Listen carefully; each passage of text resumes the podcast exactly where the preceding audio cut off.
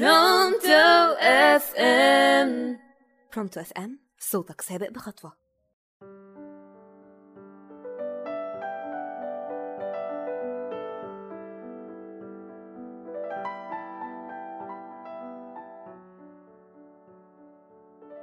مساء الفل على كل مستمعينا في كل مكان. معكم هبة سامي من برنامجكم المحروسة واللي بنشوفه فيها على راديو برونتو أف إم. هنتكلم النهاردة عن أكتر حاجة بنشوفها فيها كل يوم وهي عملية الاستنساخ البشري أو بمعنى أصح الاستنساخ. خلينا نعرف الأول إيه هو الاستنساخ. الاستنساخ هو صنع نسخة مطابقة وراثيا للإنسان ده طبعا من الناحية العلمية لكن النهاردة هنشوف فيها الاستنساخ من الناحية العملية. هحكي لكم قصة ممكن توصل لكم اللي أنا عاوز أقوله. كان في جارتين ساكنين قدام بعض اسمهم مدام اعتدال ومدام امتثال. هما الاتنين اتجوزوا تقريبا في نفس الفترة وخلفوا بنتين في نفس السنة. اسمهم فريدة وجميلة. فريدة مامتها مدام اعتدال ربتها باعتدال. أما جميلة مدام امتثال ربتها المثل بالمثل. إنها تقلد فريدة في كل حاجة وتبقى شبيهة ليها في كل حاجة.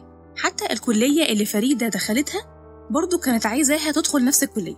فريدة دخلت كلية الآثار لأنها طول عمرها بتحب التاريخ والسفر وإنها تتعرف على أماكن تاريخية جديدة. لكن جميلة كانت بتحب دايما دراسة العلوم والكيمياء وكانت عايزة تدخل كلية الطب.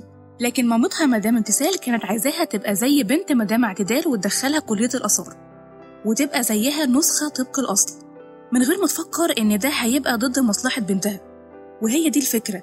مدام امتثال كانت عايزة جميلة تبقى النسخة بتاعة فريدة لمجرد إنها شايفاها فريدة فعلا وناجحة في مجالها. ما شافتش إن مدام اعتدال ربتها على إنها تشوف نفسها وبس. من غير ما تقارن نفسها بحد أو تبقى حتى نسخة من أي حد.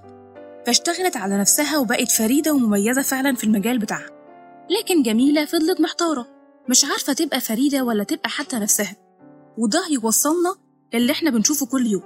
إن الاستنساخ ده كمان زي ما بنشوفه في الأفلام إن هما بياخدوا جزء من الدي إن إيه بتاع الشخص عشان يعملوا بيه نسخة ثابتة ويبدأوا يدخلوا فيه كل حاجة عن الشخصية دي يعني ذكرياته وأحلامه وطموحه عشان يكملوا بيه عملية الاستنساخ وده اللي إحنا معظمنا بنعمله إن إحنا دايما بنفضل مركزين على الأشخاص اللي معانا وده بيبقى راجع لنسبة كبيرة منه لأننا اتحطينا في مقارنات سواء مع عائلتنا مع أصحابنا أو جيراننا.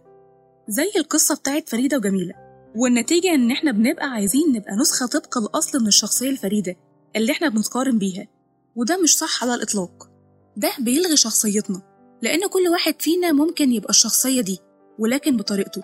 ببصمته الفريدة اللي ربنا حطها داخل كل واحد فينا وزي ما بيقولوا صوابعك مش زي بعضها.